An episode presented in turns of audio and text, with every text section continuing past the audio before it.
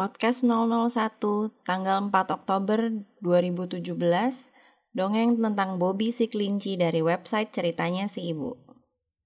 Di sebuah padang rumput terdapat satu keluarga kelinci yang tinggal di lubang di dalam tanah. Semua anggota keluarga kelinci ini mempunyai bulu yang halus lembut, telinga yang panjang dan berbuntut pendek. Ada papa kelinci yang berwarna hitam, ada mama kelinci yang berwarna putih, dan ada satu anak kelinci bernama Bobby berwarna hitam putih. Pagi itu, papa kelinci sudah berangkat ke ladang bekerja mencari wortel. Mama kelinci sedang menyiapkan sarapan untuk Bobby. Tiba-tiba, Bobby berteriak. Mana topiku? Apa Bobby sudah gantung di tempatnya kemarin? Belum, Ma. Akan aku cari sampai ketemu. Tidak lama kemudian, Bobby menemukan topinya di bawah kasurnya.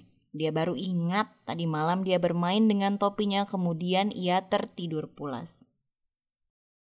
Semua barang ada pada tempatnya. Kita harus kembalikan ke tempatnya agar mudah saat kita mau mencarinya.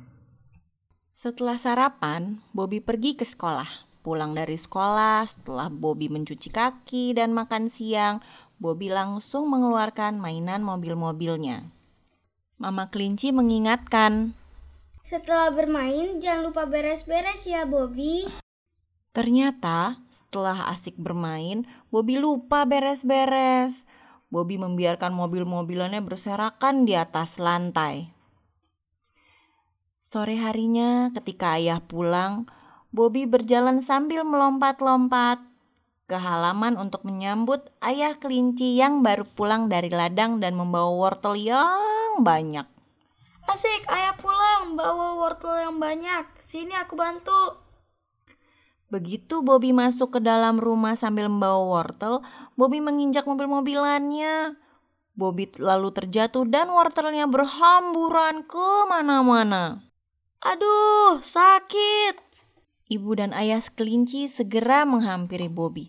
Ternyata kaki kanan Bobby terkilir, Bobby terpeleset tadi. Bobby langsung dibawa ke rumah sakit. Kata dokter, kaki kanan Bobby harus diistirahatkan dulu sampai sembuh. Bobby sangat sedih, dia tidak bisa bermain dengan teman-temannya sementara ini. Bobby menyesal, harusnya Bobby mendengarkan kata-kata ibu. Beres-beres itu penting, harus mengembalikan semua barang ke tempatnya agar semua nyaman. Tamat. Selesai deh dongengnya. Semoga teman-teman suka ya. Jadi, apa ya pesan yang terkandung dalam dongeng ini? Kata baru apa yang teman-teman dapat? Tunggu dongeng kami berikutnya ya.